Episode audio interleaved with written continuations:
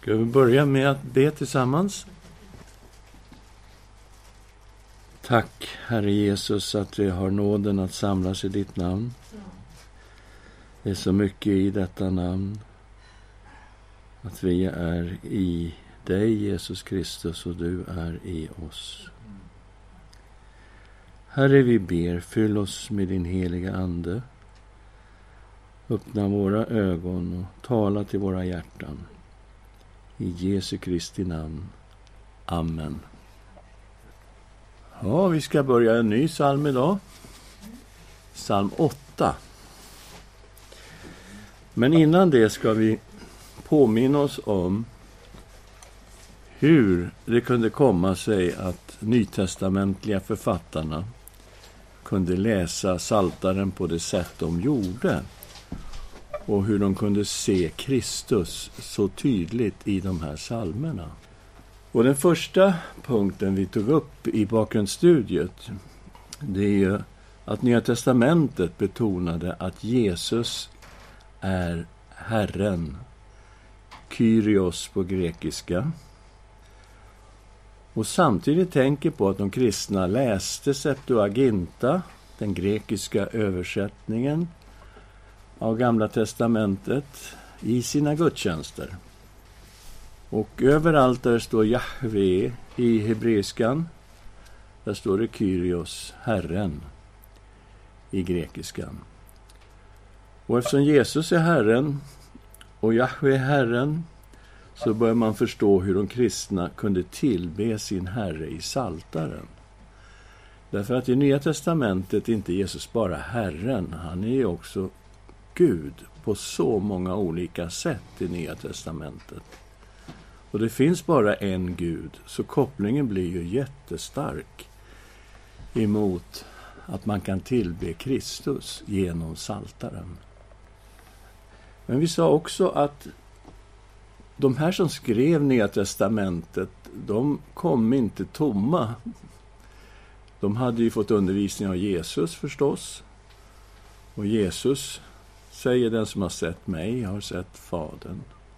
Som tror på mig tror på Fadern. Den som känner mig känner Fadern. Så han var ju en uppenbarelse av Gud i hela sin person. Men vi tittade också på det här väldigt tidiga vittnesbördet om Jesus som änglarna kom med i samband med hans födelse. Och Det var fyra änglabesök vi tittade på. Det var dels att ängeln Gabriel kom till Sakarias, Johannes döparens pappa och talade om väldigt tydligt att Johannes skulle gå framför Herren. Och det är alltså Jahve det handlar om. Och sen när han hade fötts så profeterade Sakarias över sin son och sa du mitt barn ska kallas den högstes profet för du ska gå framför Herren och bana väg för honom. Och Johannes döparen själv definierade sin tjänst på just det sättet. Jag är rösten av en som ropar i öknen, bered vägen för Herren. Och vi tittade också på änglabesöket till herdarna när Jesus hade fötts. Idag har en frälsare blivit född åt er i Davids stad. Han är Messias, Herren. Och vi tittar också på när Josef fick en uppenbarelse. En ängel som talade till honom och talade om att det här barnet har blivit till genom helig ande. Och du ska ge honom namnet Jesus, för han ska frälsa sitt folk från deras synder. Och det kopplar till hans namn då, som betyder Herren frälser. Så när man sätter ihop det här så ser man ju då att från änglarnas budskap så skulle Jesus vara en frälsare. Han skulle vara Herren, och då skulle man faktiskt våga tänka Jahve. Han är Messias. Han är kungen i Guds eviga rike. Han är Guds son och han är Davids son. Och det är klart, med det här i bagaget så kan man ju komma till saltaren och se en hel del av Jesus i saltaren. Och då blir det mycket lättare för oss att förstå NTs kristocentriska tolkning av Saltaren. Så det här är de saker som vi har nämnt i studiet som kommer hjälpa oss att förstå hur de kunde citera de här salmerna på det här sättet. Och vi kommer nu till vår nya psalm, psalm 8. Och vi läser den. För körledaren till Gittit, en psalm av David. Herre, vår Herre, hur härligt är inte ditt namn över hela jorden? Du som satt ditt majestät på himlen. Av barns och spädbarns mun har du berett en makt för dina fienders skull, för att förgöra fiende och hämnare. När jag ser din himmel, dina fingrars verk, månen och stjärnorna som du har skapat. Vad är då en människa att du tänker på henne? En människoson att du tar hand om honom? En liten tid lät du honom vara lägre än Gud. Med ära och härlighet krönte du honom. Du satte honom att härska över dina händers verk.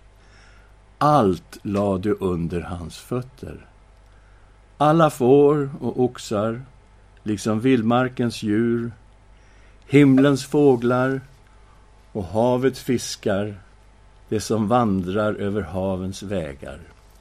Herre, vår Herre, hur härligt är inte ditt namn över hela jorden. Och det här är en psalm då skriven av David. Den inleds och avslutas med just det här att Jahves namn är lovprisat över hela jorden. Gud är upphöjd över rymden och hela sin skapelse över månen och stjärnorna. Allt detta. Gud är så mycket större. Men David, han förundras ju dessutom över människan. Som trots att hon är så liten har Gud ändå gjort människan nästan till en gud. Hela skapelsen blev lagd under människans fötter för att råda över. Och det här är naturligtvis taget direkt ut ur skapelseberättelsen, det David skriver här. Vi läser Första Mosebok 1, 26-28. Gud sa, låt oss göra människor till vår avbild lika oss. De ska råda över havets fiskar, himlens fåglar, över boskapsdjuren och hela jorden och alla kräldjur som rör sig på jorden. Och Gud skapade människan till sin avbild, till Guds avbild skapade han henne, till man och kvinna skapade han dem. Gud välsignade dem och sa till dem, var fruktsamma och förökar er. Uppfyll jorden och lägg den under er. Råd över havets fiskar, himlens fåglar och alla djur som rör sig på jorden. Det är som ett eko vi ser i psalm 8, just det här. I Nya testamentet är åtminstone vers 3 till 7 i psalm 8 betraktad som en messiansk text eftersom den är citerad i NT några gånger. Så det är inte helt säkert att hela salmen ansågs vara messiansk, men det är fullt möjligt. Hela den här salmen är ju riktad till Jahve. Och som vi såg i bakgrundsstudiet stod det Kyrios, det vill säga Herre i Septuaginta. Och i NT är Jesus Herre. Så det är fullt möjligt att man faktiskt tittade på hela salmen som messiansk. Det första exemplet vi ska titta på det kommer från Matteus 21. Och Vad som är väldigt speciellt här det är ju att det är Jesus själv som bekräftar att psalm 8 var messiansk. Vi finner oss i ett väldigt dramatiskt skeende. Det är palmsöndag. Jesus har just ridit in i Jerusalem som en kung enligt profetian i Sakarja 9 och 9. Se, din konung kommer till dig, ödmjuk, ridande på en åsna, på en åsninnas föl. Men här kopplades också en annan profetia in, psalm 118, 24-27. Och där har vi Hosianna-ropen, där har vi detta välsignad vare han som kommer i Herrens namn. Så de här två profetiorna går i uppfyllelse samtidigt på palmsöndagen. Jesus går in i templet och driver ut kommersen ur templet. All, med all sannolikhet sker det här på hedningarnas förgård. Och han citerar den här versen som styrker denna tanke. För mitt hus ska kallas ett bönens hus för alla folk. Och så säger han att de har gjort Guds hus till ett rövarnäste. Så de är oerhört provocerade nu, prästerskapet och laglärda och alla som finns där, av den religiösa eliten. Men Jesus fortsätter då med att hela människor direkt efter detta på tempelplatsen. Kan ni tänka er. På tempelplatsen kom blinda och lama fram till honom och han botade dem. När översteprästerna och de skriftlärda såg de under han gjorde och barnen som ropade i templet Hosianna, Davids son, blev de upprörda och sa till honom Hör du vad de säger? Och det gjorde Jesus. Han hörde vad de sa. Jesus svarade dem, ja, har ni aldrig läst? Av barns och spädbarns mun har du berett en lovsång. Okej, okay. han citerar då ifrån psalm 8. Har ni aldrig läst det här? Och den religiösa eliten, det är helt uppenbart, de uppfattar då att barnens hyllning innebar att Jesus var Messias. Det är det de ropar. Hosianna, Davids son, där har vi det.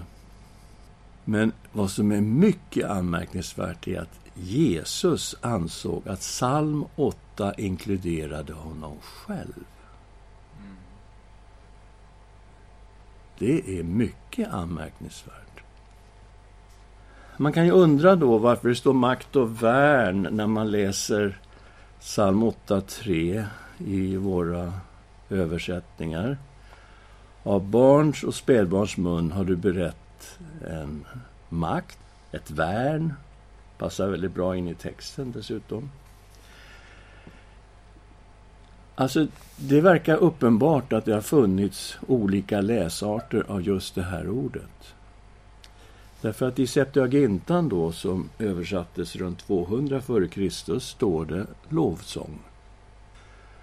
Och i Peshitta, som är en översättning från hebreiska till syriak, ungefär 150 efter Kristus, så ungefär 300 år mellan Septuagintan och Peshitta, där står det sång. Så jag antar att Jesus ansåg att det skulle vara sång. Och då antar jag också att Jesus ansåg att barnens hyllning var en lovsång riktad till honom. Smaka på den. Av barns och spädbarns mun har du berett en lovsång. Har ni aldrig läst det här? Wow. Så det var det första exemplet. Det andra exemplet hämtar vi från Efesierbrevet kapitel 1 vers 15 till 2.10. Ni ser att det är ett jättelångt avsnitt där vi ska försöka placera in det i sitt sammanhang. Det är därför som vi gör så här. Vi kommer in i kapitel 1, 15 i Fesierbrevet. och det handlar om en bön för de troende som Paulus skriver till.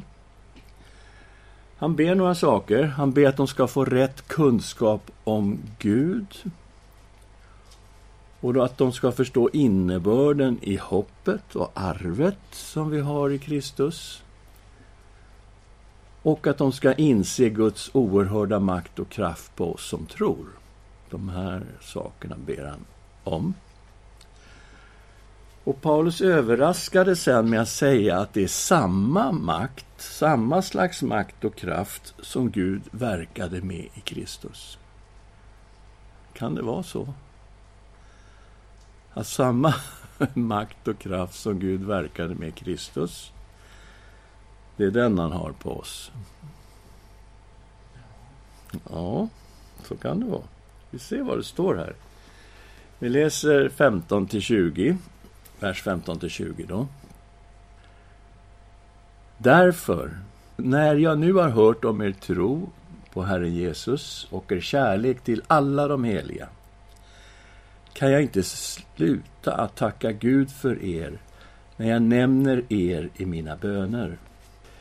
Jag ber att vår Herre Jesu Kristi Gud, härlighetens fader, ska ge er vishetens och uppenbarelsens ande så att ni får en rätt kunskap om honom. Så det här är ingenting vi kan läsa oss till egentligen. Utan det är någonting som Guds ande måste göra i oss för att få en rätt kunskap om honom.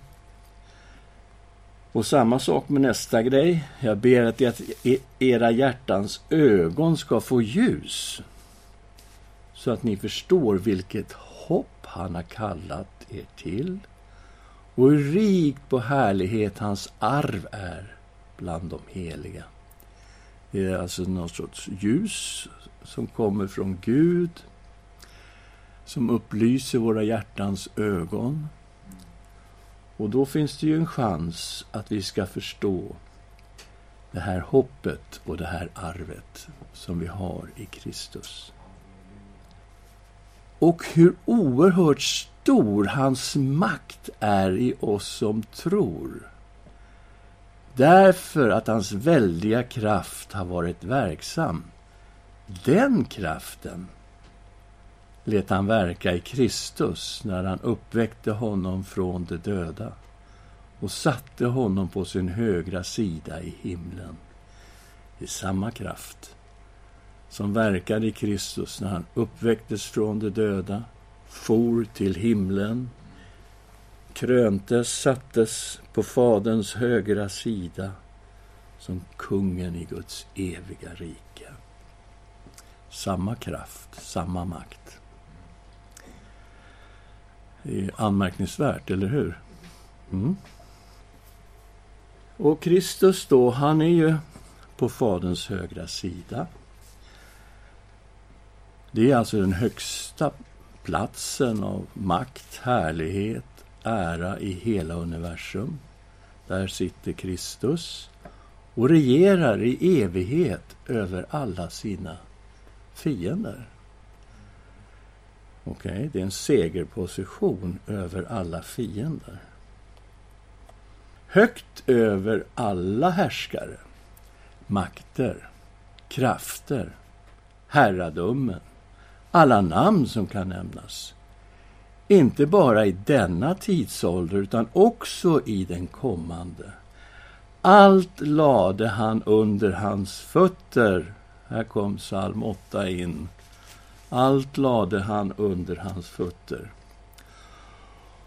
Och honom som är huvud över allting gav han till församlingen som är hans kropp fullheten av honom som uppfyller allt i alla. Okej, okay, så Kristus sitter, regerar över alla sina fiender. Allt är lagt under hans fötter. Och han är huvudet för församlingen. Sitter han ihop med församlingen på något sätt? Ja, det är en väldig, det är en organism det här. Han sitter ihop med sin församling. Och det är därför då man ser det här häpnadsväckande påståendet att församlingen är fullheten av honom som uppfyller allt i alla. Oj! Har ni tänkt på församlingen på det sättet? Att den är fullheten av Gud som uppfyller allt i alla. Ja, det kan ju inte vara att de här församlingsmedlemmarna är några fantomer. Det går ju inte. Men i Kristus, det är där det händer. I Kristus. Ja, vi ska titta lite vidare då. Vi ser ett samband här mellan psalm 8.7 och psalm 110, vers 1. För psalm 110, vers 1 har ju det här Herren sa till min Herre. Sätt dig på min högra sida tills jag har lagt alla fiender som en fotpall under dina fötter. Okej, okay, så det ser vi ju finns med här. Han sitter ju på Faderns högra sida, han regerar över fienderna. Och ändå kommer då psalm 8 och 7 in. Allt lade han under hans fötter. Och det här är ett sätt som Nya Testamentet gör på några ställen.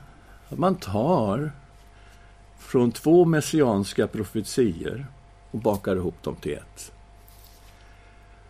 Och jag tror det är så här att man ser på de messianska profetiorna som en, ja, en skål på något sätt. Här ligger liksom undervisning om Kristus.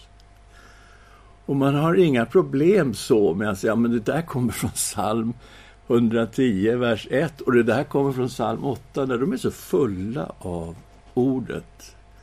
Så att de liksom bara öser lite grann ur den här skålen och så varsågoda, här, här är det ihopbakat. Det här passar ihop. Jättebra. Allt lade han under hans fötter. Inga problem. Lasse, kan du bara förklara lite mer det här med Herren sa till sin... Till, till min herre eller till sin herre? Herren sa till... Okej. Okay. Det är David. Vi får tänka oss David. Jag har läst den flera gånger. David, eh, David är den som talar. Det är det första. Är du med? Okej. Okay. David säger Jahve ja. sa till min herre Kristus. Är du med? Sätt dig på min högra sida. Så vi måste börja med att det är David som säger det här. Utifrån Davids perspektiv är det faktiskt så. Och vårt perspektiv.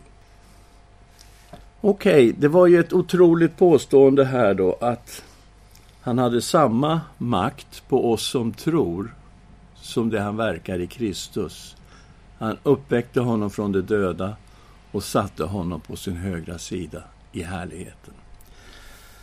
Och vi kanske tänker, ja men Paulus, du har nog överdrivit lite grann här, väl? Ja, det har alltså att göra med vad Gud har gjort med oss i Kristus. Om vi tänker oss som individer, då kanske vi inte fixar det här. Men tänker vi på i Kristus och att Paulus hela tiden tänker på församlingen vi är ju svenskar, så vi tänker som individer. Det måste vara mig hela tiden. Men tänk församling. Paulus sa att vi var döda i vår synd och under Guds heliga vrede. Ja, där börjar vi. Ja, men då börjar vi ungefär i samma position som Jesus med döden. Då. Vi ska titta här. Efesierbrevet 2.1 Också er har Gud gjort levande, ni som var döda genom era överträdelser och synder. Okej, okay. kan det tänka, vara så att innan vi blev födda på nytt så gick vi omkring och vi studerade och vi arbetade men var andligt döda i våra överträdelser och synder. Håller ni med om den beskrivningen? Absolut. Vi gick och sprang och hoppade. Mm. Men var döda genom våra överträdelser och synder. Tidigare levde ni i den på den här världens sätt och följde härskaren över luftens välde, den ande som nu är verksam i olydnadens barn. Okej, okay, var vi efterföljare till den onde? Ja, hur ska man tänka då, då? Tror ni att synden och ondskan kommer från Gud? Nej, det har ett annat ursprung. Djävulen, han är lögnens fader, sa Jesus. Ursprunget till lögnen, han som kommer den första lögnen i människans historia. Ingalunda ska ni dö. Nej. Är det svårt att bli en efterföljare till honom? Ja, det är bara att fortsätta synda. Det, det, är inga problem alltså. Ja, nej, det är väldigt lätt. Det sker ganska automatiskt. Och det är så Paulus beskriver här också. Tidigare levde ni i dem på den här världens sätt och följde härskaren över luftens välde, den ande, som nu är verksam med olydnadens barn. Bland dem var vi alla en gång, även Paulus, även Saul av Tarsus, när vi följde våra kötsliga begär och gjorde vad köttet och tankarna ville. Av naturen var vi vredens barn, precis som de andra. Så Gud är inte glad över synden, har ni tänkt på det? Inte alls glad över synden. Som Romarbrevet 1 säger, att Guds fred är upptänd från himlen över och så kommer en jättelång lista med synder som människor håller på med. Och där finns en vrede över det. Vredens barn. Låter inte bra att vara barn till vreden. Nej. Så okej, okay, vi börjar där då. Vi var döda andligt. Men sen då? Gud gjorde oss levande med Kristus och satte oss med Kristus i den himmelska världen. Han gjorde detta för att i kommande tider visa sin rika nåd mot oss i Kristus. Okej, okay. här har vi nu parallellen. Han hade samma makt och samma kraft på oss som tror. Uppståndelse, himmelsfärd, insättande i härligheten. Och så säger han då, ja men han har gjort oss levande med Kristus. Och han har satt oss med Kristus i himlen, i den himmelska världen. Vi läser från vers 4. Men Gud, som är rik på barmhärtighet, har älskat oss med en så stor kärlek. Även när vi ännu var döda genom våra överträdelser. Att han har gjort oss levande med Kristus. Av nåd är ni frälsta. Han har uppväckt oss med honom och satt oss med honom i den himmelska världen i Kristus Jesus. För att, för att vad då?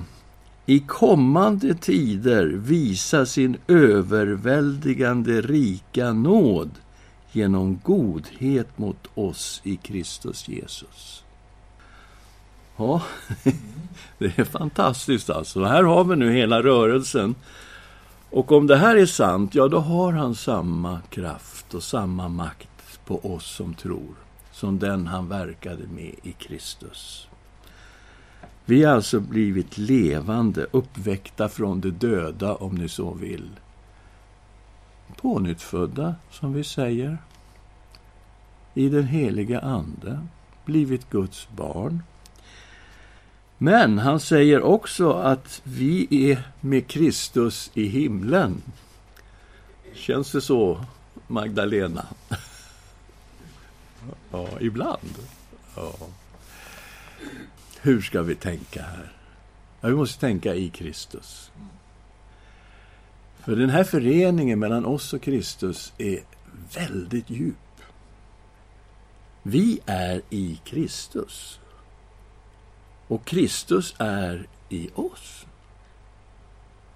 Och där vi är, där är Jesus. Eller hur? Varje dag. Nu vågar vi tänka tanken att där Jesus är, där är vi. Förening med honom, som sitter på Faderns högra sida i en segerposition regerar över alla sina fiender. Och när man talar om den andliga striden så är det inte så att vi har liksom massa förmågor att kunna strida mot den onde. Nej, vi utgår ifrån Jesus segerposition. Han som har vunnit seger och som regerar över sina fiender. Det är därifrån vi börjar, så att säga. Och då får hans seger tillräknas oss och ge oss kraft till seger i våra liv. Så inte att vi utkämpar den här kampen ensamma. No way. Och om det här nu stämmer, då innebär det att Gud har samma makt och kraft på oss som han verkade med en Kristus. Då uppstår ju en fråga. Vi kanske är väldigt goda människor, så att vi förtjänade det här på grund av vår egen förträfflighet. Nej, så var det ju inte. Av nåden är ni frälsta genom tron. Inte av er själva. Guds gåva är det. Inte på grund av gärningar för att ingen ska berömma sig. Hans verk är vi, skapade i Kristus Jesus till goda gärningar som Gud har förberett för att vi ska vandra i dem. Oj, oj, oj. Så det här är nåd. Det är ingenting någon människa kan berömma sig av. Allt vilar på Kristi fullbordade verk på korset. Så det är fullbordat. Det är verkligen fullbordat. Och han har uppstått, han har stigit till himlen, han sitter på Faderns högra sida. Och i Kristus, i frälsningen, är vi förenade med Kristus. Och det är en gåva. Vi tar emot frälsningen som en gåva. Det är inte så när någon kommer och knackar på dörren och har en födelsedagspresent med sig att man hivar upp plånkan och frågar vad får jag betala för den här? Utan man tar emot den som en gåva och man säger tack, det var väldigt vänligt. Det är så vi tar emot frälsningen. Vi kan inte betala för den, kan inte förtjäna den. Det är nåd. Och det här är någonting då som kommer att visas i denna tidsålder men också i kommande tider. Godhet mot oss i Kristus Jesus. Här är evigt liv. Det här är jättebra. Så i det här sammanhanget sitter då ett citat ifrån psalm 8. Allt lade han under hans fötter. Psalm 8, vers 7. Ja, det är ungefär så långt som jag tänkte vi skulle kunna gå idag. Vi kommer ta den här salmen på två steg, så att säga. Har ni några tankar? Jag undrar, eh, du sa att i Septuaginta så översätts eh, Jahwe med Herren. Mm. Men vad var det för språk som eh, Paulus talade? Var det grekiska? Mm. Paulus talade grekiska och Nya testamentet är ju skrivet på grekiska. Och i gudstjänsten så läste man grekiska, man läste Septuagintan i gudstjänsten. Och så predikade man om Kristus. Man läste alltså Gamla testamentet i den urkristna kyrkan. Och så predikade man om Kristus. För Nya testamentet var ju inte skrivet. Va? Men sen när det kom mer och mer av NT, brev och så här, kom vartefter, skrivna på grekiska, allting var på grekiska. Så det sitter som hand i handske. Och arameiska? Ja, det är ett närsläktat språk till hebreiskan. Och eh, när man översätter därifrån Gamla Testamentet, då går man inte direkt från hebreiskan, då går man inte över grekiskan. Utan då kör man hebreiska, arameiska. Det var en senare översättning. Ja, Peshittan, den var från 150 efter Kristus. I Israel så talar man arameiska. I Israel talade man arameiska och väldigt många kunde hebreiska. Därför att man läste skrifterna, läste man dem på hebreiska. Det fanns inte någon sån här revidering så att man körde på arameiska i Israel. Nej. Det var hebreiska. Men då vet man inte om de sa Kyrie eller Jahve på arameiska. Ja, ja, de sa nog Adonai möjligen.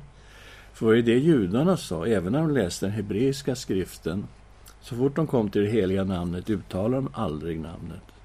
Utan de sa Adonai, Herre. Så det var ju en praktik så att säga, som hade funnits väldigt länge innan Jesus. Att man inte uttalade det heliga namnet. Men hur kom det sig att de skrev på grekiska om de pratade arameiska?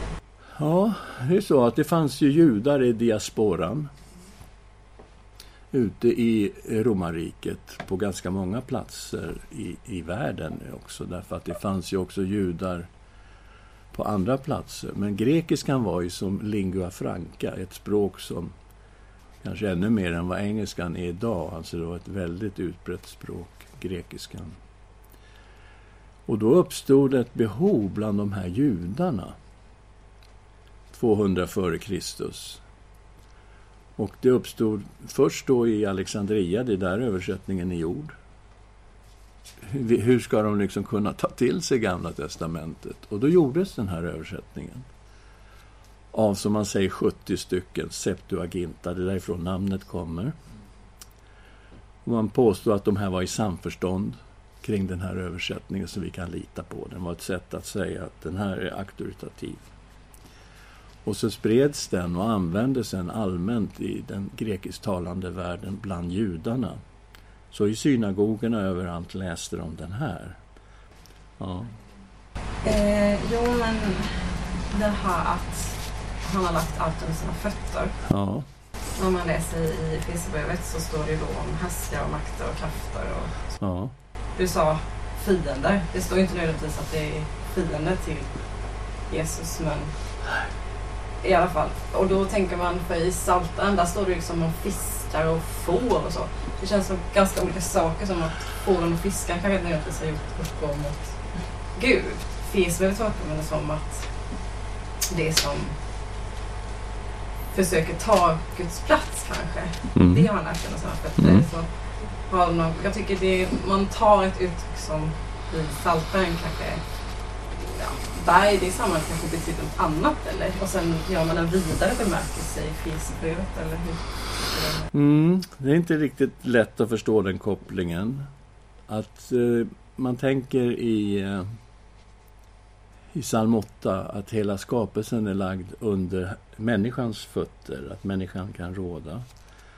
Och när det gäller då avgudarna så var det så att i, i hela den dåtida världen, och även gammaltestamentlig tid, att alla de här naturfenomenen som fanns och som människan kunde iaktta att det var någonting fantastiskt kring det.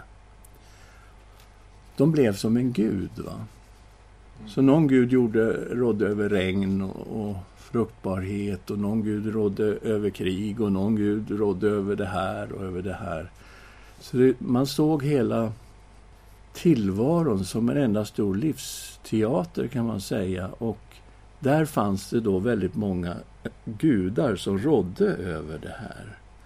Och så var det också i romarriket på Paulus tid där det fanns en stor pantheon av gudar som rådde över olika saker.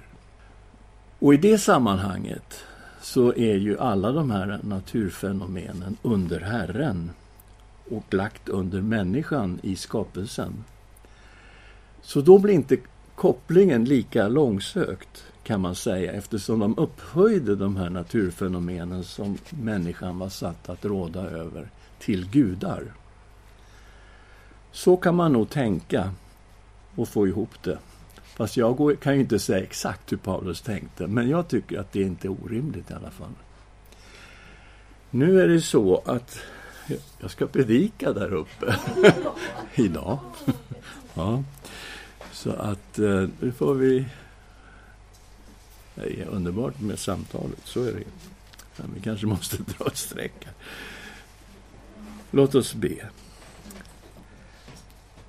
Herre, vår Herre, hur härligt är inte ditt namn över hela jorden.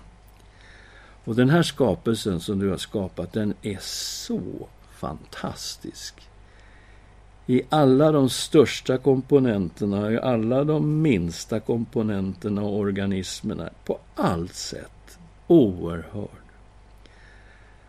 Herre, vi tackar dig för att du är vår skapare också. Att vi får böja oss under dig. Och vi tackar dig, Herre Jesus Kristus, för att du har vunnit seger. Du sitter på Faderns högra sida och du regerar över alla andevärldens förstar, väldigheter, makter och herrar. Över alla namn, inte bara i den här tiden utan också i den kommande. Allt är lagt under dina fötter och du är Herre. Och du är en underbar frälsare. Vi förstår inte riktigt exakt vad allt detta innebär, att vi är i dig, Jesus Kristus. Men tack Herre, för trots att vi var döda i våra överträdelser och synder, har vi fått möta pånyttfödelsen och nytt liv i dig. Du har uppväckt oss från de döda. Och du har förenat oss med dig, Herre, på ett sätt som är så fantastiskt att din seger är vår seger. Vi ger dig ära och vi tillber dig den här morgonen. I Jesu Kristi namn. Amen.